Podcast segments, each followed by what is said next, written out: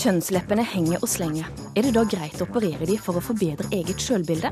Ja, sier plastisk kirurg, som møter gynekolog til debatt om intimkirurgi. Pokerloven i Norge er streng, men i Oslo blir det spilt ulovlig poker på hemmelige klubber. Dette er en aktivitet som kan få ganske store konsekvenser for enkelte mennesker. Sier Blå Kors, som advarer mot spillavhengighet. Ukeslutt har vært på ulovlig pokerklubb. Og for mange norske barn skriver for dårlig, mener professor. Han får støtte av språkentusiasten Davy Vatne, som mener det norske språket er i forfall.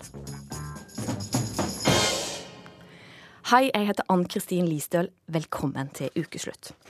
Der vi aller først skal starte med at eh, nordmannen Kjarting Sekkingstad, som har blitt holdt som gissel på Filippinene av geriljaorganisasjonen Abu Sayyaf, ifølge flere filippinske kilder skal være satt fri mot løsepenger. Utenriksdepartementet her i Norge kan ikke bekrefte dette. Men Peter Svaar, hva kan du si om dette?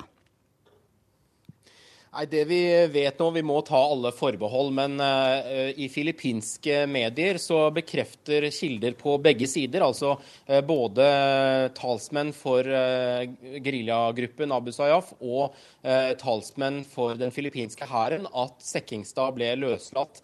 han skal ha blitt sluppet i går kveld, altså fredag ca. klokken 20.30 lokal tid, og um, levert nærmest på døra til guvernøren i provinsen Zulu. Um, det er ikke noe som er kjent om tilstanden til Sekkingstad på dette tidspunktet. Han har jo sittet i fangenskap nå i nesten ett år. Um, om fem dager ville det vært uh, ett år siden han og fire andre ble tatt som gisler på Ocean View uh, Resort, um, hvor det nå bare er Sekkingstad som, som er igjen. Um, så det vi vet, er jo at uh, det meldes at han er løslatt. Uh, norske myndigheter har foreløpig ikke villet bekrefte dette. Uh, og i filippinske medier er det også opplysninger om at det er betalt ut løsepenger. Ca. en tidel av det opprinnelige kravet. Um, Abu Sayyaf krevde jo 300 millioner pesos for å sette Sekkingstad fri. rundt 50 millioner kroner. Det skal være betalt ut rundt en tidel av det, altså rundt 5 millioner norske kroner i løsepenger. Vi følger denne saken videre her på våre ulike plattformer i NRK. Tusen takk til deg i denne omgang, korrespondent Peter Svaar. Så skal vi komme oss tilbake til Norge med, og starte med bråket rundt olje- og energiminister Tord Lien, som har vært i hardt vær etter at det kom fram at han og hans departement i den 24. konsesjonsrunden lot oljeselskap få mulighet til å vise interesse for havområder utenfor Lofoten og Mørekysten, stikk i strid med regjeringens avtale med Venstre og KrF. Og dette her det gjorde da Lien uten at statsministeren visste om det, og han måtte trekke det tilbake etter et knapt døgn. Og i disse dagene så har alle lurt på hvordan kunne det skje. Så er det en ny utvikling igjen i dag. I dagens VG så eh, forteller Tord Lien, eller han bekrefter, at han har feilinformert Erna Solberg. I en tekst, i eh, en eh, e-post som VG har fått, så bekrefter Lien at i teksten som statsministerens kontor mottok, og som ble publisert i forbindelse med pressekonferansen, så var det ikke noe som kunne gi inntrykk av at blokker unntatt i tidligere runder nå skulle bli inkludert. Det kom først fram seinere. Vi har med oss Tord Lien på linje ifra Trondheim. Tord Lien, hvorfor fortalte du ikke alt i dette første notatet som statsministerens kontor fikk? Det er viktig for meg først og fremst å si at eh, under min ledelse har vi utlyst eh, fire arealtildelingsrunder på norsk sokkel. Alle fire har vært gjennomført eh, med relativt lite støy. Eh, det er jeg glad for. Det tror jeg eh, samarbeidspartiene også eh, vil kunne, kunne bekrefte. Og dette er veldig fint. Men vi går rett på spørsmålet. Hvorfor informerte du ikke i notatet til statsministerens kontor at dere hadde tatt med de kontroversielle områdene? Jeg har lyst til å være veldig tydelig på at her har jeg gjort en feil vurdering. Det har ikke ligget noen dårlige intensjoner bak det som vi har gjort. Eh, men eh, gjorde ei, eh, jeg gjorde ei feil vurdering, og jeg er veldig glad for at når den feilen ble avdekka, så fikk vi retta opp under et døgn. Og jeg håper at det nå vil bidra til å skape ro både blant samarbeidspartiene, men også i industrien om noe som er veldig veldig viktig for verdiskapninga på norsk sokkel. Ja, så det var ikke din intensjon å ikke informere om det. Og da er spørsmålet, visste du at du ikke informerte riktig? Dette var, dette var en feil, feil, vurdering fra, fra, vår side. Men var du klar? Var, Tord Lien, for vi vet at du har ansvaret. Var du klar over at dere ikke informerte statsministeren riktig? Som sagt så, så, det, så var dette en, en feil vurdering fra meg. Ingen du... dårlige intensjoner. Og jeg, vi har rydda raskt opp, og eh, vi har lagt eh, dette eh, bak oss. Du, det var ikke din, din intensjon, du har beklaget det, du har trukket tilbake. Men var du klar over at det ble sendt feil informasjon til statsministerens kontor? Jeg er som olje- og energiminister ansvarlig for alt som skjer i, i mitt departement. Men jeg er glad for at vi nå har fått retta opp i dette, sånn at det som nå er ute, er i tråd med bestemmelsene i, i samarbeidsavtalen. Det eh. høres ut Torlien, det høres ut som at du tar ansvar som en øverste mann eller kvinne alltid skal ta. Men det høres òg ut som at du faktisk ikke visste om dette. Og hvis du da ikke visste om det, har du da kontroll på ditt eget departement? Som sagt så er det jeg som er olje- og energiminister, og jeg har ansvaret for det som eh, skjer i departementet. Jeg er glad for at vi eh, raskt i løpet av et døgn fikk retta opp i dette. Sånn at eh, det ikke kan være tvil om at det som nå er eh, ute i 24. konsesjonsrunde, er i tråd med bestemmelsene i, i samarbeidsavtalen. Men hvordan kunne det skje når du ikke ville at det skulle skje? Du har jo all makt, du er jo sjefen i departementet. Som sagt, eh, dette er basert på en feil vurdering fra, fra min side. Ikke dårlige intensjoner, men en feil vurdering fra min side. Og vi har rydda raskt opp i, i, dette. Og det som nå er ute, eh, er i tråd med bestemmelsene i, i samarbeidsavtalen. Og således håper jeg at vi nå kan få, få, ro om denne viktige saka eh, for eh, norsk olje- og gassindustri.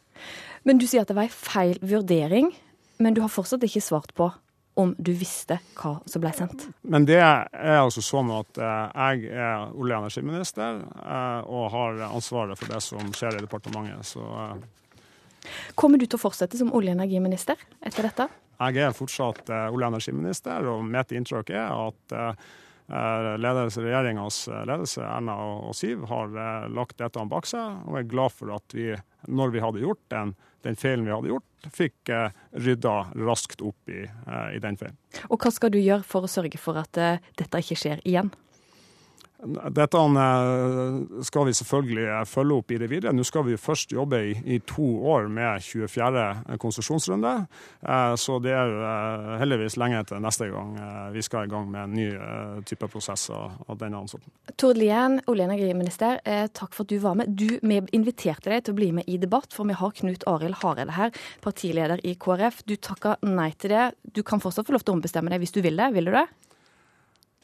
Jeg eh, takker for at jeg fikk lov å være med, og eh, ser ingen grunn til å gå i debatt med samarbeidspartiene om denne saka, som jeg oppfatter at vi eh, nå er enige om at det er i tråd med bestemmelsene i samarbeidsavtalen. Tord Lien, tusen takk for at du tok deg tid til å bli med her til oss.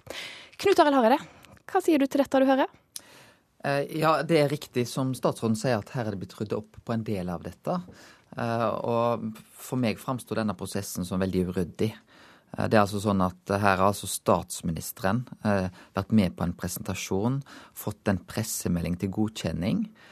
Og så, etter at både presentasjonen har vært og eh, pressemeldingen blitt godkjent, så har altså Olje- og energidepartementet endra den. Og det virker som at statsministeren og statsministerens kontor ikke har kjent til den endringen på et så sensitivt område. Eh, det vil da si at eh, den setningen som har stått i alle nominasjonsrunder de, de siste gangene, det at eh, de områdene, altså dette skal utlyses, men ikke i de områdene som er sensitive, som er berørt av forvaltningsplanen. Og det vet jo vi at bl.a. nettopp områdene rundt Mørekysten og Lofoten Vesterålen er. Så det framstår jo som, som, en veldig merkelig prosess. Men har han, altså, har han kontroll på embetsverket sitt? Tord Lien? Ja, Det som er naturlig for meg, det er å be om en redegjørelse for hva som har skjedd i denne saken. For akkurat nå så framstår det som veldig uavklart. Det jeg kan si, er at her er det altså brudd på iallfall intensjonen i samarbeidsavtalen.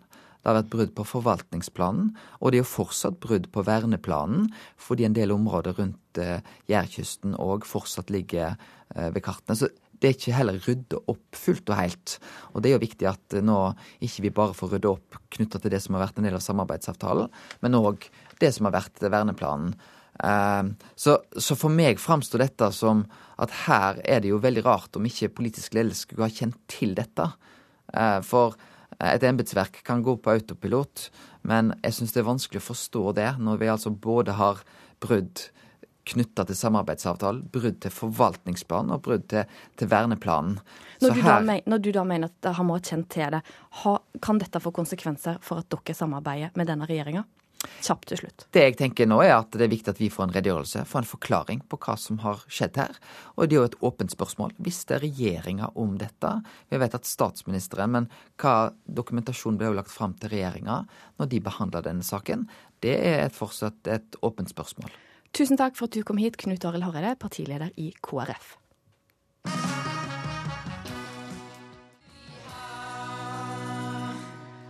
Jenter med Rassika, og du hører på Ukeslutt her i NRK P1 og P2.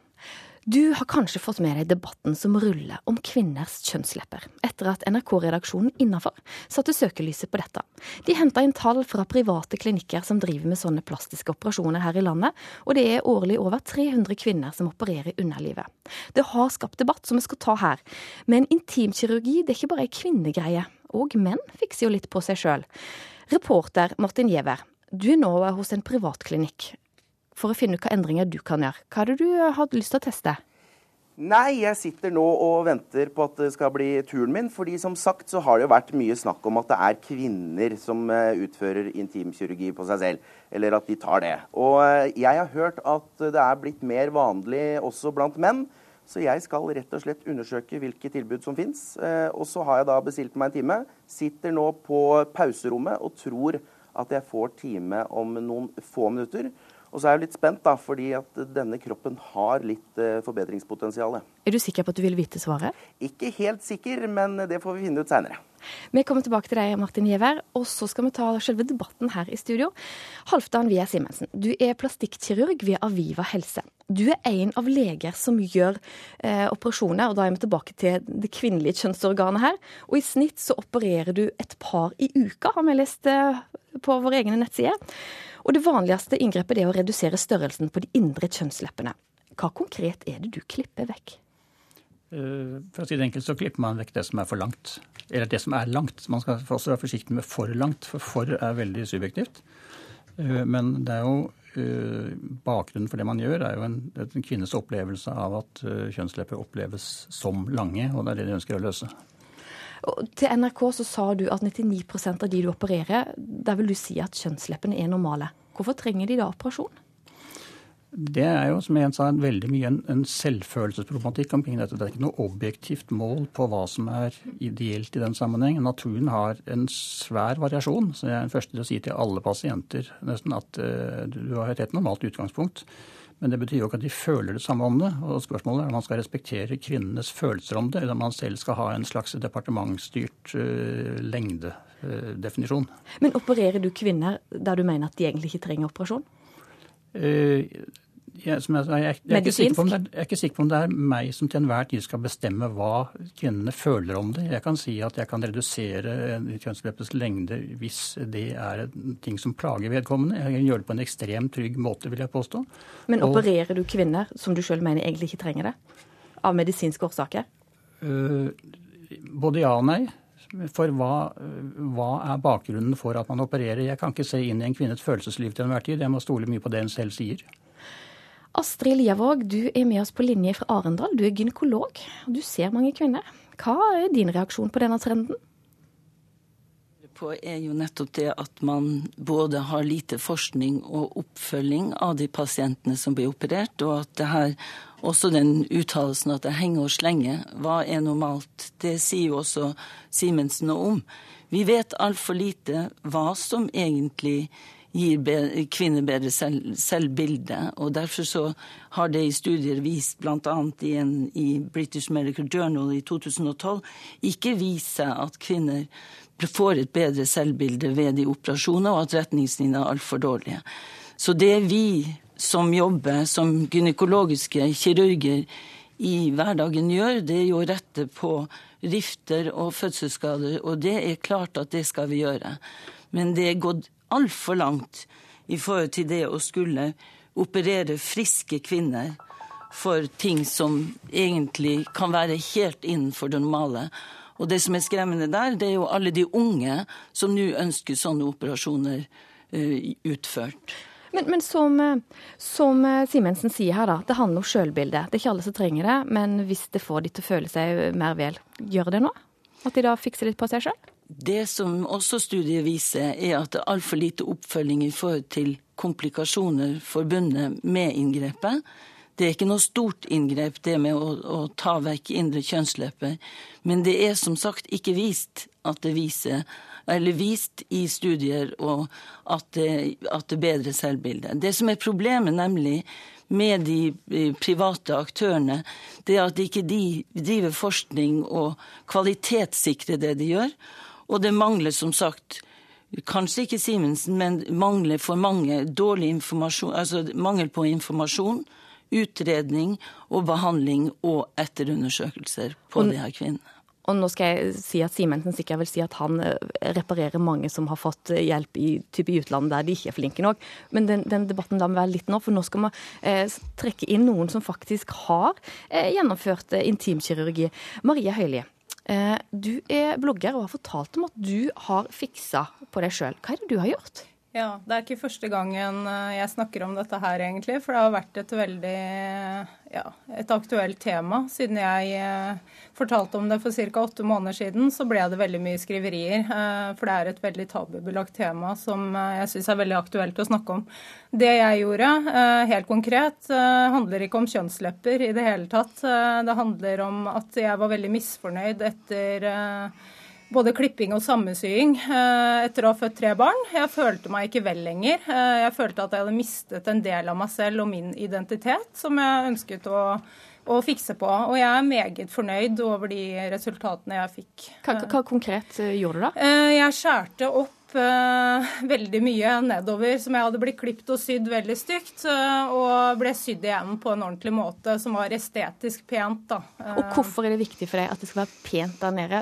Du klarer antagelig ikke Nei, det handler om min, min, personlige selvfølelse på mange måter. Eh, jeg var jo sammen med en mann i tolv år eh, som eh, sa til meg at jeg ikke burde gjøre noe. Og så fikk jeg meg en ny kjæreste som sa det samme. Men for mitt eget vedkommende så bestemte jeg å gjøre noe med det. fordi at selvfølelsen min der nede stemte ikke overens med sånn jeg følte meg før fødslene. da. Lia Våg, du hører her, mannfolka sa hun ikke trengte å gjøre det, men hun følte det sjøl. Eh, når folk kommer til deg og du sier nei, dere trenger ikke hjelp, for dere fungerer helt fint, det hjelper jo ikke på kvinners sjølfølelse at noen sier jo, men dette er godt nok. Når det gjelder det tilfellet Høili beskriver, så er vi helt klar på det at når kvinnen kommer med rifter eller fødselsskader, eller andre ting som har gjort at underlivet har endra seg, så det er klart vi gjør det, en operasjon på deres på det at de sjøl mener at det bør gjøres. Ikke fordi at menn ikke vil at de skal gjøre det, eller ikke trenger det. Det er jo veldig bra at menn er, at man kan snakke med, med partner om sånne ting, fordi at som jeg kom inn på i begynnelsen, så er det så veldig mye myter og, og sånn som også Høyli sier, tabubelagt det hvordan vårt underliv egentlig ser ut. Og hvordan det er kanskje i ungdommen, hvordan det er når vi blir eldre det blir veldig lite kommunisert til kvinner. Og Derfor så tror de at det må rettes på. Og det som bekymrer meg mest, er som sagt de unge nå, som skal rette på alt. Og som også, som, som sagt, der det ikke er grunnlag for å gjøre operasjoner. I det offentlige gjør vi absolutt sånne operasjoner, men og da, sant, her, Dere kommer ikke til enighet her, men det vi skal gjøre nå, er at vi skal gå tilbake til vår reporter Martin Giæver. Du, for dette er jo som sagt òg noe som menn eh, gjør noe med. Hva skal du gjøre nå? Jeg tar meg en veldig sånn rar eh, situasjon her. For nå står jeg i et ganske sånn moderne legekontor. Eh, svarte, fine møbler. Og eh, så er det en lege her som driver og tegner på kroppen min. Jeg står splitter naken. Jeg har bare på meg sokker og mikrofon. Og, og, Bjørn, du driver og tegner, du er plastisk kirurg. Hva driver du med nå? Du, Nå prøver jeg å kartlegge og tusje på eh, sånne her flankeputer som du har, eh, for, å, for, å, planlegge en eventuelt fettsuging av de. Og hva, hva så går vi over også til Martin? magen, og da ville du gjerne kanskje hatt litt mer atletisk mage. Og da må jeg prøve å finne ut hvordan vi kan gjøre det, og få fram muskulatur og atletisme i, eh, på kroppen din. Nettopp. Altså love handles, det har på sida. Ja, det kalles eh, populært sett for love handles. Og hvor vanlig er det at menn kommer hit? Du, det blir vanligere og vanligere. Hos oss er ca. to til tre av eh, ti pasienter menn. Og hva er det de da kommer for? Du, De kommer ofte for fettsuging. Mange kommer for, eh, for ansikt og hud, selvfølgelig. Når det gjelder eh, kosmetisk kirurgi, så er det fettsuging, danebryst. eh, og også eh, muskulatur på magen. Men også i mannlig intimkirurgi som penisforlengelse og fortykkelse. Er det vanlig å gjøre, altså? Hva kan man få gjort da? Du, eh, Vanlig og vanlig, det er jo ikke det mest vanlige inngrepet vi gjør, men, men det er en økning. Og det man gjør da, er at man får i, i slapp tilstand, så vil man kunne få mer eksponering av penis. Og nå måler du her, har jeg litt å gå på? Måler han deg, Jeg Martin? syns det ser ganske bra ut, faktisk. Eh, Det er, eh, det er ikke noe sånn at jeg vil anbefale å gjøre noe eh, på det her, men, men det ser veldig normalt ut. Det er litt over normalen, og du har litt fett akkurat over pubisområdet, som man enkelt kan fettsuge, og, og da vil f.eks. penis eksponeres mer. Ja, Og hvor mye koster dette? En, eh, fett, eh, altså en, en eh, forlengelse koster og Forlengelse, fortykkelse og, og fettsugen koster ca. 60 000. Uff, det var jo veldig da. Jeg tror jeg setter tilbake til studio og tenker at dette må jeg i hvert fall spare lenge til, Ann Kristin. Ja, og Det er jo ikke sikkert du trenger det heller. Tusen takk til deg, Martin Giæver. Bare kjapt til slutt her. Halvdan Wier Simensen. Dette som du hører Martin Giæver eh, sjekke her. Altså, Tenker du noen ganger at dere heller bør fikse sjølbildet til folk istedenfor å fikse det ytre? Ja, det er helt riktig. Hvis du kunne si meg en måte å gjøre det på. Jeg tror at man skal være litt forsiktig med å fortelle pasienter som kommer med, et ønske, om å fortelle dem at de bør oppsøke en psykolog. For det er der problemet ligger. Men tenker ikke du noen ganger at ah, det er dumt at du skal tjene penger på dette, når man kunne ha fiksa sjølbildet til folk? Jeg tror ikke man får fikset sjølbildet så lett. Så jeg tror, jeg tror tvert imot at det er svært mye eh, selvfølelse man faktisk kurerer med kirurgi. Små bryster man legger inn protese på, er helt parallelt. Jeg tror ikke de hører hjemme hos psykologen. Jeg tror det er lettere å gi dem en protese. Vi blir neppe, eller Dere blir neppe helt enige her. Tusen takk til deg, Halvdan Wier Simensen, plastikkirurg, og til Astrid Lievåg, gynekolog, og til Maria Høili, blogger. Takk.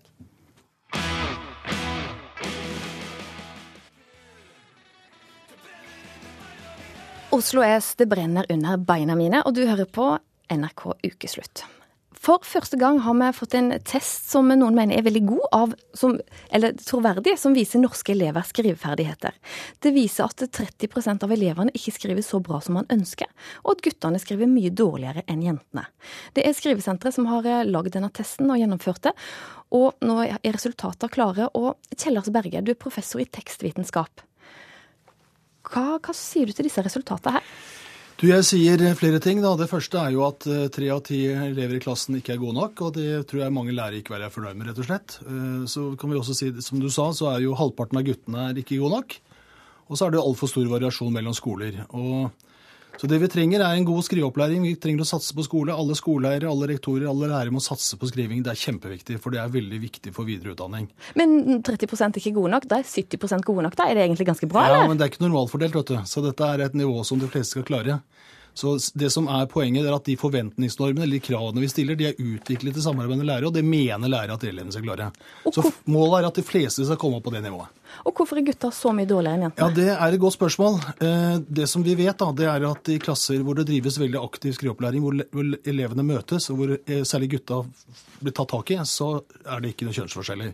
Så Det betyr at undervisning virker. Så det er veldig viktig å følge gutter litt tettere opp enn jenter. Det krever nok litt mer motiveringsarbeid, altså. Så det handler om lærernes undervisning? Veldig viktig med lære god undervisning. Yes. Perfekt overgang til Kristin Vinje, som er, sitter i utdanningskomiteen for Høyre på Stortinget. Gutta gjør det mye dårligere enn jentene pga. undervisninga. Hva vil du gjøre for å fikse det? Nei, Det må vi finne ut eh, årsaken til før vi kan fikse det. Så Derfor er det veldig viktig at vi har disse forskningsresultatene nå. Jeg har også lyst til å si at eh, stort, flertallet gjør det jo faktisk ganske bra, så det er ikke sånn riktig å si at det er elendig. Men det er eh, grunn til å styrke skriveferdighetene til elevene. Og det som er fint, er at vi har disse resultatene nå som vi kan bruke og bygge videre på. Men regjeringen jobber jo veldig mye med disse problemene, for det er jo ikke ukjente problemstillinger. Vi jobber videre med grunnleggende ferdigheter som skriving, lesing og regning. Og disse resultatene gir oss jo mer innsikt i hvordan vi kan gjøre dette bedre. Og da handler det også veldig mye om at eh, lærerne tar i bruk den kunnskapen som finnes om dette. Du er enig i at det ikke er godt nok. Eh, da skal vi ta inn folkets røst. Vi har med oss Davy Vatne, som folk flest nok forbinder med sport på TV 2. Du er med oss fra Bergen, du. Men du har òg et brennende hjerte for godt språk. Hva, hva, hva slags statusrapport vil du gi på språket vårt om dagen? Ja, eh dette er jo et eh, villet og ønsket eh, resultat av en utvikling som vi har sett gjennom mange mange år. Det gjelder ikke bare språk, det gjelder jo oppløsningen ellers i samfunnet. Det er ikke lenger viktig med formaldannelse. Det er ikke viktig lenger å lære ting ordentlig. Alt er sjuskete, overfladisk og lettvint og tilfeldig. Og Derfor så er politikernes vilje til å satse på skolen litt sånn delt. De skal satse på lærerne, de skal satse på skolen, men det skal ikke koste penger. Og Dermed så har statusen til språk og statusen til skolearbeid sunket i samfunnet. Da jeg var gutt, så var lærerne de som hadde bil og hytte på landet og høy sosial anseelse. Nå ser vi på dem som sånne som ikke fikk jobb andre steder. Og det er trist. Fordi at eh, det ikke å kunne kommunisere effektivt og presist med språket, det er ødeleggende. Det er ikke sånn at språket er meislet inn i noen steintavler og er rett en gang for alltid. Det er en kontinuerlig forvandling av, av, språket. Men det er mange utviklingstrekk og mange tendenser med sosiale medier, med SMS-kultur, som gjør at ting blir lettvint, ting blir overfladisk. og Det har med nyhetsformidling, det har med rollemodellene, det har med de som skriver og på en måte skulle vist vei i språket. De har fallert også. Så dette er et veldig omfattende og komplekst problem. Og, og du ser bare at utviklinga går feil vei? Ja, det er jo ikke noe tvil om det. Eh, fordi at eh, det er legitimt å ønske nynorsken vekk. Hvis en bor i Bærum, så er det fjøslatin, og det er OK ikke å lære ting ordentlig. Det er OK ikke å skjønne fuglene eller Bleikeplassen og ta i Vesaas. Så folk går glipp av flotte opplevelser. De klarer ikke å skjelne mellom godt og dårlig språk. Og det syns jeg er trist, og det hindrer effektiv kommunikasjon, presis formidling av budskap, og det sjuskes og slaskes i, i, i media.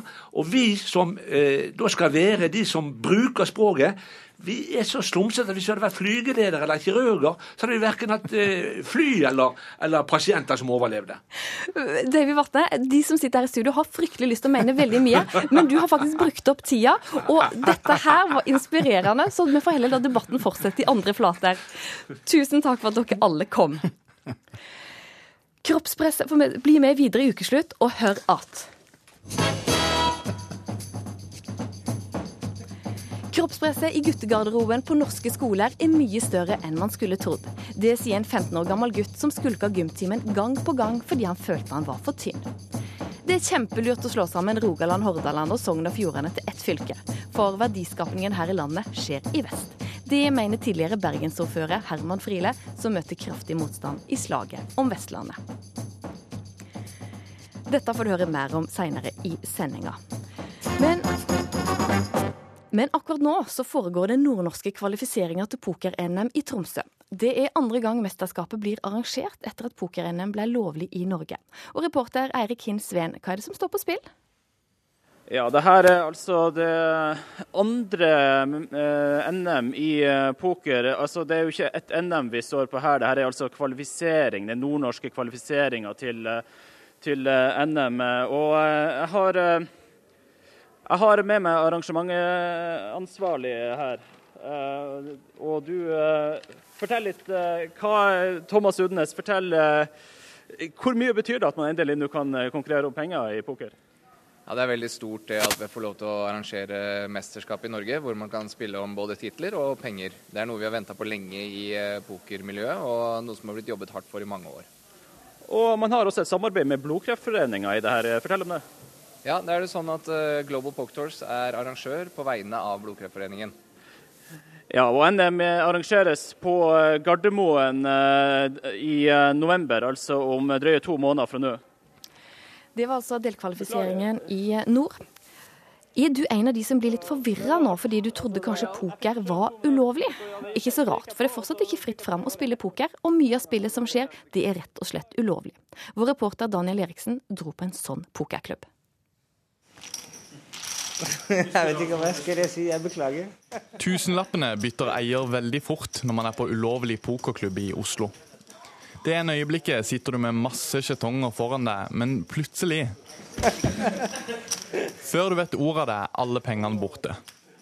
Men selv om sidemannen din akkurat har loppa deg for hele husleia, er stemninga god på en av de mange ulovlige pokerklubbene i Oslo. På fredager her da, så har vi som regel mellom 35 og 50 spillere. Og da er det en, av de andre, også største klubbene i Oslo, har som regel 50 spillere i sitt hus. Og så er det en annen tredje ganske stor klubb som også har sikkert mellom 30 og 50 spillere. Så er det jo, vil jeg tippe, mellom 150 og 200 mennesker hver fredag som velger å spille poker. Det sier eieren av pokerklubben, som ikke vil ha navnet sitt på radio. Men hvem er det egentlig som spiller? Vanlige norske menn som sitter på bord og koser seg. og Han er fysioterapeut, og han er DJ og ikke sant? Det er, ja, det er jo, tror jeg, jevnt over veldig veldig mange single menn som altså sånn, OK, de kan gå ut på byen, da, og så kan de drikke seg full og bruke 1000-2000 kroner på byen. da. De kan sitte her en hel kveld og ha det minst like hyggelig og oppleve masse uten å være kjempefull. Og ja, kanskje til og med at en tenker på det. 1.1.2015 ble poker lovlig i Norge. Spillerne feira at de endelig slapp å arrangere norgesmesterskap i Øst-Europa. Men de nye pokerreglene er ganske strenge. La oss gå gjennom kravene for å spille poker i Norge.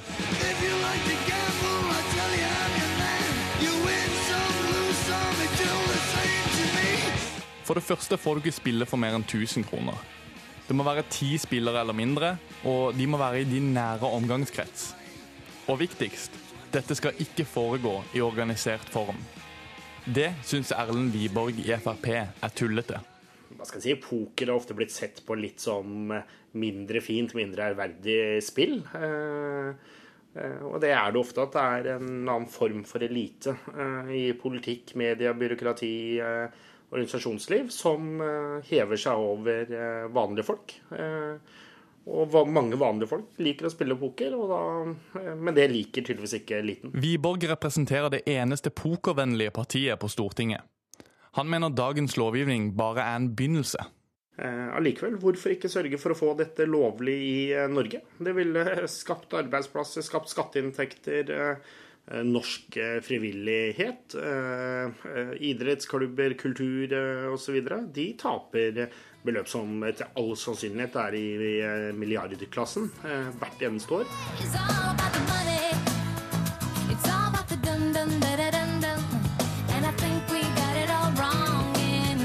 Tilbake på den ulovlige pokerklubben i Oslo finner vi mange som er enig med Wiborg og Frp i at poker det er uskyldig moro. Hva er det som er gøy med å spille poker? Det er adrenalinet og spenningen. Du må jo følge med, du må jo se hvordan folk spiller hendene sine. Du må jo liksom konsentrere deg litt. Hvor ofte pleier du å spille? Her spiller jeg kanskje fire til fem ganger i uka. Et av de faste medlemmene i klubben forteller at legaliseringen av privat poker har fått det organiserte, ulovlige pokermiljøet til å vokse. Jeg har jo merka at det er flere som kommer og spiller hele tida. Det har jeg jo. Jeg har jo vært her, og det har vært stappfullt her, liksom. Så og det var det jo ikke helt når jeg begynte å spille for kanskje et og et halvt år siden. Også eieren av klubben bekrefter at ingen later til å respektere de strenge reglene for hvordan man skal spille poker i Norge. Det kommer jo flere og flere som har lyst til å lære seg poker, så vi har veldig mye nybegynnere. Uh, unge menn som ja, er i begynnelsen av 20-årene, og som ja, kan sikkert spille sin første NM på Gardermoen. Noen få hundre meter unna ligger Blå Kors, en organisasjon som jobber med spilleavhengige. Sten Magne Berglund har som jobb å hjelpe de spilleavhengige, og han er sterkt kritisk til legalisering av pengespill, som poker. Dette er en aktivitet som kan få ganske store konsekvenser for enkelte mennesker. Eh, på den måten at man kan havne i bunnløs gjeld. Det kan gå utover hele familiens økonomi. Det kan ofte gå utover arbeidsgivere som opplever underslag. Men ikke minst så er det et stort helseproblem for mange som får Det er spilleavhengighetsproblemer. uansett Lotteritilsynet som skal kontrollere pokervirksomheten. Men hva syns de om at de ulovlige klubbene har fått enda flere medlemmer pga. den nye loven? Nei, jeg tenker at eh, det er jo interessant, det du sier. Det er nytt for meg. Uh, Lotteritilsynet har jo kjennskap til at det foregår uh, det med ulovlige pok- pokerklubber. Linda Vestby i Lotteritilsynet er fullstendig klar over at det finnes mange ulovlige pokerklubber. Så da er vel saken grei. Vi ringer politiet. eller nærmere bestemt seksjonssjef Astrid Borge i Politidirektoratet. Bekjempelse av ulovlig pokerspill er ikke en prioritert oppgave, men inngår i den generelle kriminalitetsbekjempelsen. Og Dersom politiet får tips om ulovlig pokerspill, så gjøres det en konkret vurdering om hvordan tipsene eventuelt skal følges opp, og hvordan det skal reageres dersom straffbar virksomhet blir avdekket. Sten Magne Berglund i Blå Kors skjønner ikke hvorfor ulovlige spillebuler ikke er en prioritet hos politiet. Jeg syns jo det er underlig. Eh, veldig underlig. Det er ikke overraskende, og det sa vi også når eh, det ble liberalisert første gang, at dette er nok bare første steget. Eh, og vi opplever når, i Blå Kors når folk kommer til behandling hos oss, så er de ganske dårlige. Tilbake på den ulovlige pokerklubben i Oslo fortsetter pokerspillinga ut i natta. De har ingen planer om å gi seg, for ifølge dem kan det bare gå én vei. Når du blir helt fullt lovlig, eller som det kanskje blir, så tror jeg det, interessen kommer til å være veldig stor. Det blir jo bare flere og flere nordmenn overalt. Sånn, så ser man jo i NM også, hvor mange som deltar og hvor mange som reiser. Og... Skal du være med der, ja? Jeg skal være med på den på Gardermoen. Ikke den i Dublin, tror jeg. Men den på Gardermoen skal jeg i hvert fall være med på. Tror du du har sjans? Ja, får håpe det.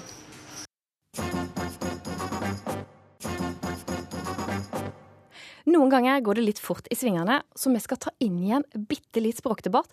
Fordi de som hørte Davy Vatne rase litt mot eh, språket som står for forfall, de fikk med seg at Kristin Vinje fra Høyre og Kjellas Berge, professor, ikke fikk kommentere det. Så nå får de et halvt minutt hver. Kristin Vinje, hva vil du si til ditt forsvar? Ja, jeg kan forsikre Davy Vatne og andre som er opptatt av skriveferdigheter, at vi er ikke fornøyd med tingenes tilstand. og Derfor så gjør regjeringen en hel rekke konkrete ting med nettopp det. Det er en ny femårig lærerutdanning på gang med økt kompetanse til lærerne, kompetansekrav.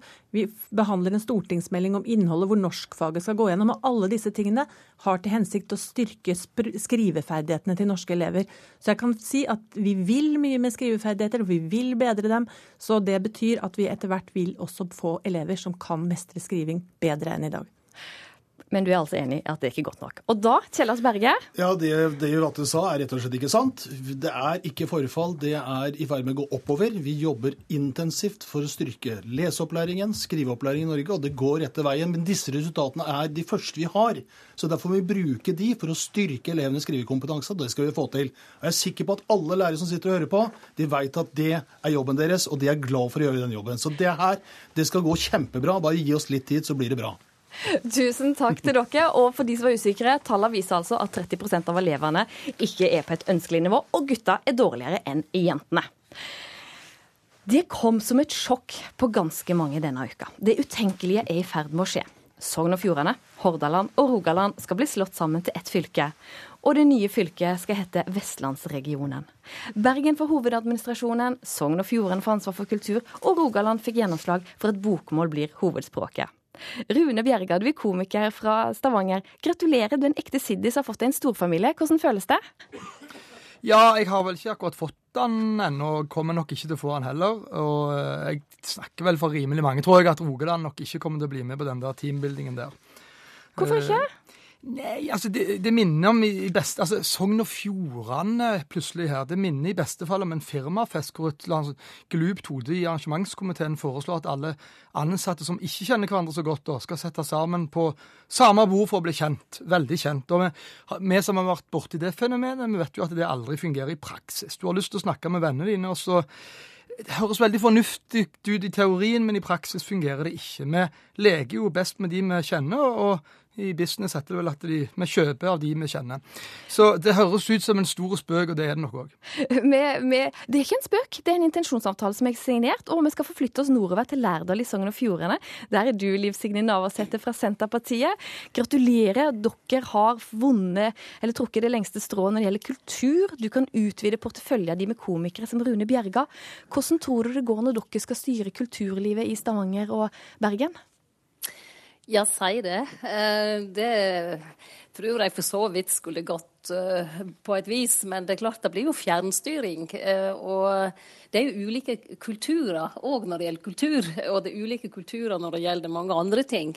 Men det som gjør at jeg er skeptisk, er jo nettopp det ordet fjernstyring. For i Sogn og Fjordane har vi jo en veldig desentralisert struktur. Vi er bare 10% av folkemengda på Vestlandet. Bor veldig spredd, eh, og har f.eks. en veldig spredd struktur på videregående opplæring. Men vi har minst frafall i landet, vi har gode skoleresultat. Og jeg tror kanskje ikke de blir bedre om vi skal styres fra Stavanger. Så, det så du sier nei takk, du òg? Litt, det samme begge veier. Men jeg syns, jeg syns, kanskje det er litt langt unna. For det er, vi har masse delegasjoner som kommer til fylkestinget. Både elever foreldre, lærere, ordførere. Det er langt om de skal reise til et hovedutvalg nede i Stavanger og, og framføre sine eh, ærend når eh, det eventuelt er snakk om å beholde linjer eller skoler. Det er, noe, det er noe mye det det handler om, ikke sant? det innholdet i, i skolen. Og videregående skole og næring er jo sammen med samferdsel de tre hoved eh, bolkene. Eh, og så kommer jo kultur, som òg selvfølgelig er veldig viktig. Det er de hovedoppgavene fylkeskommunen har. Det er jo ingen nye oppgaver. Det, det det, skal, men det som er, Du sier nei takk, Bjerga sier nei takk, men vi skal flytte oss til midten. Herman Friele, tidligere bergensordfører.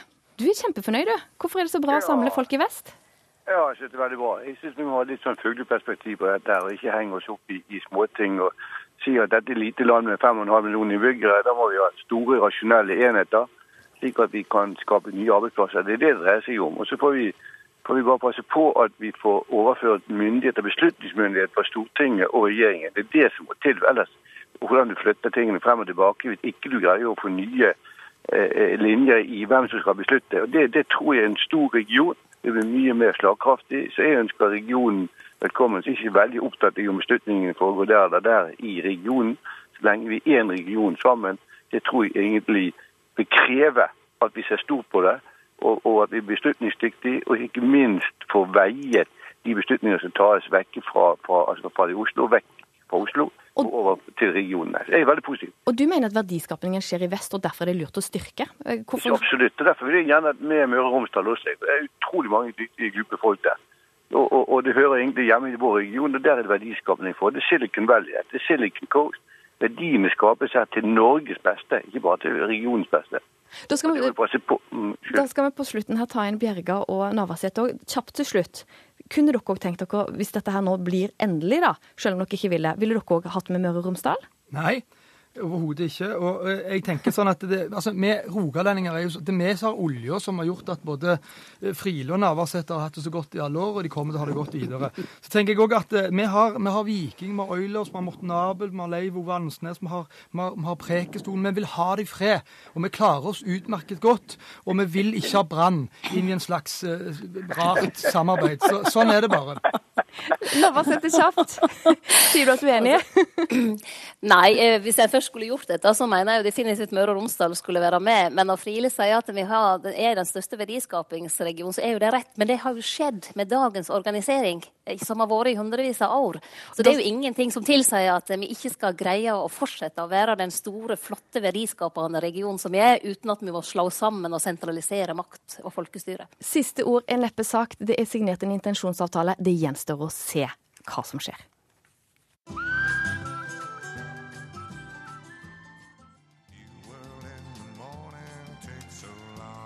skjer.'Running Out of Road' med Roger Whittaker. Det kan føles like ille å bli kalt tynn gutt som det er å bli kalt feit når du er ei kraftig jente. Dette skrev 15 år gamle Jonas Christoffersen i et innlegg om kroppspress i Aftenposten denne uka. Snart er han her i studio, men hør først på dette. Jeg heter Jonas, er 15 år, og da jeg gikk i 8. klasse, skulket jeg nesten halvparten av alle gymtimene vi hadde det året. Noen trodde at det var fordi jeg var lat, men den egentlige grunnen er at det kroppspresset vi opplever i guttegarderoben på norske skoler, er helt for jævlig. Jonas Kristoffersen, du er 15 år, går nå i 10. klasse i Oslo. Når kjente du første gang på kroppspress? Jeg tror eh, jeg har kjent eh, på kroppspress eh, siden barneskolen. Jeg er en ganske tynn gutt og har vært enda tynnere tidligere. Og når du da allerede i barneskolealder, kanskje femte-sjette klasse, eh, får høre spørsmål som 'hvorfor er du så tynn?' og får kommentarer på kroppen din, så tror jeg man automatisk eh, kjenner på at eh, kanskje man ikke er god nok, eller at du kunne hatt en annerledes kropp. Hvordan skulle du, eller når du, når du hadde disse problemene, hva, hvordan skulle du ønske at kroppen din så ut? Jeg kunne ønske at uh, kroppen min så ut akkurat sånn som det fremstilles i media, på alle disse reklamene for uh, undertøy osv. Uh, med en kraftig kropp, med muskul veldig muskuløs, med store muskler, sixpack osv. osv. Og, så og det tror jeg ikke er sunt at barn kjenner på den følelsen at de skulle ønske at de hadde store muskler, sixpack, allerede fra barneskolealder. Når jeg ser deg, du sitter her i en rød hettegenser og ser ut som en helt normal, slank gutt. Jeg hadde ikke tenkt noe på det. Eh, men når du sier at du, du har faktisk skulka eh, i åttende klasse, så skulka du nesten halvparten av alle gymtimene. Ta oss med inn i den guttegarderoba. Hva er det som skjer der? I guttegarderoben eh, så føler jeg at man har et press på seg. At kroppen din skal se ut på en spesiell måte fordi at alle snakker om det. Man snakker om muskler, man snakker om sixpack, og man snakker om uh, hvilke kropper som er fine, og uh, hvem som har størst sixpack i klassen osv. Og, så og jeg synes at kanskje like ille er det å ha gym, ikke bare være i garderoben, for da kommer det enda tydeligere frem hvem som er mest fysisk, hvem som er sterkest, og hvem som har best forutsetninger for å gjøre det godt i gym. Da jeg var 14 år, så husker jeg at eh, jeg syntes jeg hadde for tjukke lår. Og så dreiv vi jentene og snakka litt om at vi likte sixpacker på gutter, men vi hadde jo aldri sett det. Da hadde vi bare sett på en film. Mm. Uh, dette presset, det liksom, kommer det fra jentene, eller kommer det fra guttene? Jeg tror det kommer fra begge. Um, det kommer kanskje mest fra guttene, fordi um, guttene er fysisk det, Eller det er forventet at gutter skal være fysisk sterke. Og gutter som da ikke er fysisk sterke, blir kanskje da sett litt ned på. Men det kommer også fra jentene, fordi jenter snakker veldig mye om eh, Veldig åpenlyst snakker veldig mye om hva som er en fin kropp på en gutt, eh, hvilke kropper de liker, osv., osv. Og, det tror jeg skaper et ganske stort press på hvordan kroppen din skal se ut. Du har nå slutta å skulke gymtimene. Hva, mm. hva, var det som gjorde at uh, du ikke trengte å skulke lenger? Eh, jeg tror ikke det er noe som er gjort uh, over natta. Det er uh, Jeg syns fortsatt at det er, kan være vanskelig å ha gym, fordi at det kommer så tydelig frem hvem som er sterk, og hvem som er fysisk godt trent. Men etter hvert så har jeg bare funnet ut at det er lettere å kanskje bare møte, møte det presset på, ved å ha gym, og bare respektere at sånn er det. Men jeg tror at det er veldig mange andre som har det sånn som jeg hadde det før, og som fortsatt skulker gym fordi de ikke er fornøyd med kroppen sin. Og da tror jeg bare vi må lære den neste generasjonen at alle kropper er like fine, og vi må slutte å kommentere hverandres kropper. Vi må lære oss at alle er fine. Og det kan være lettere sagt enn gjort. Mm. Hva, liksom, hva bør eh, Dette er et stort spørsmål, da. Har du noen tips til hva man bør gjøre? Er det noe man kan gjøre på skolen? Eh, I familien? Skal man snakke med flere om det? Altså, hva, hva kan hjelpe? Jeg tror en veldig god løsning kan være at uh, samfunnet begynner å snakke mer om det. Da, det. da, settes det fokus på. Men jeg tror også at media må ta sin del av ansvaret. fordi det kommer, det man, Jeg tror det er anslått at man ser rundt 4000 reklamer hver dag. Og alle disse reklamene fremstiller jo en kropp uh, som hvordan en kropp skal være.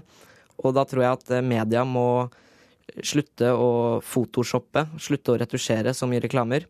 For da kan det kan hende at vi får fremstilt hvordan en egentlig kropp ser ut. Eh, Jonas Kristoffersen, du har skrevet innlegg på Aftenposten, og så har vi òg lagd en nettvideo som ligger på våre Facebook-sider. Gå inn på NRK Debatt Facebook, der kan vi se videoen med deg. Eh, mm. Kort til slutt, hva slags eh, tilbakemeldinger har du fått? Jeg har fått, eh, jeg har fått, veldig mange reaksjoner. Jeg har fått mest positivt, men, og det er veldig deilig å se at så mange kan relatere til det, og at det er så mange som se på det som positivt at jeg har eh, skrevet det innlegget. Men jeg har også fått litt negativ tilbakemelding. Eh, på Det kan være folk som sier at eh, der, må nesten bare du ta ansvar, og du må begynne å trene, du må begynne å spise mer. Og jeg tror at hvis en jente hadde skrevet dette innlegget, så hadde hun fått full støtte. Men så fort en gutt skriver et innlegg om det samme, så forventes det at han bare skal være sterk og takle det. Og da tror jeg vi må ta et oppgjør med det. Og du har eh, begynt å snakke om det, og det er kanskje et godt utgangspunkt. Mm. Tusen takk for at du, eh, du kom her til oss i Ukeslutt. Så skal vi tilbake til korrespondent Peter Svår og få høre siste nytt i forbindelse med nordmannen Kjartan Sekkingstad, som har blitt holdt som gissel på Filippinene av geriljaorganisasjonen Abu Sayyaf, som ifølge flere filippinske kilder skal være satt fri mot løsepenger. Utenriksdepartementet har ikke bekrefta det. Peter Svår, hva kan du si? Det jeg kan bekrefte, jeg kan si nå er at jeg akkurat har snakket med talsmann Filemon Tan fra um, West Mindanao Command, som er den hærstyrken som har hatt ansvaret for uh, å kjempe mot Abu Sayyaf uh, sør på Filippinene, og også har jobbet for å prøve å, å få gislene fri. Og det talsmann Filemon Tan forteller meg, er at han bekrefter at Kjartan Sekkingstad er løslatt. Han sier det skjedde klokken 16 i ettermiddag, altså lørdag. Eh, han sier også at Sekkingstad akkurat nå er på vei til provinshovedstaden i Zulu-provinsen. og Der skal han eh, få en legesjekk. og Han skal også treffe ambassade, norsk ambassadepersonell som har kommet dit for å møte ham. Vi vet også at det skal være en annen islamistgruppe som heter MNLF, Moro Islamic Liberation Front, som skal ha bidratt til å tilrettelegge for selve denne løslatelsen, og da frakte Sekkingstad fra Abu Sayyaf eh, sine hemmelige leirer inne i jungelen og til um, huset til, de, til um, guvernøren i Zulu-provinsen. Um, det er ikke kjent akkurat hva slags helsetilstand Sekkingstad er i nå, men vi må jo anta at han har hatt et veldig tøft år i fangenskap, hvor vi vet at gislene også har blitt flyttet veldig mye rundt. Og det har vært mange trefninger også mellom eh, gisseltakerne og filippinske hærstyrker underveis. Hvis nå dette her da blir bekreftet av norske myndigheter, altså, hva kan være grunnen til at dette har skjedd, eller kommet i stand nå?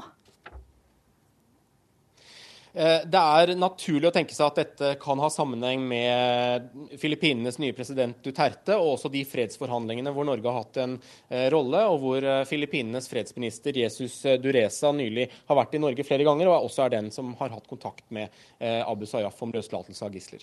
Da sier vi tusen takk til deg, korrespondent Peter Svaar. Følg med på utviklinga av denne saken på på Dagsnytt og nrk.no og våre sendinger. Ukeslutt er slutt. Finn Lie var teknisk ansvarlig. Jaren Ree Mikkelsen vaktsjef. Jeg heter Ann Kristin Listøl. Håper du får en strålende dag.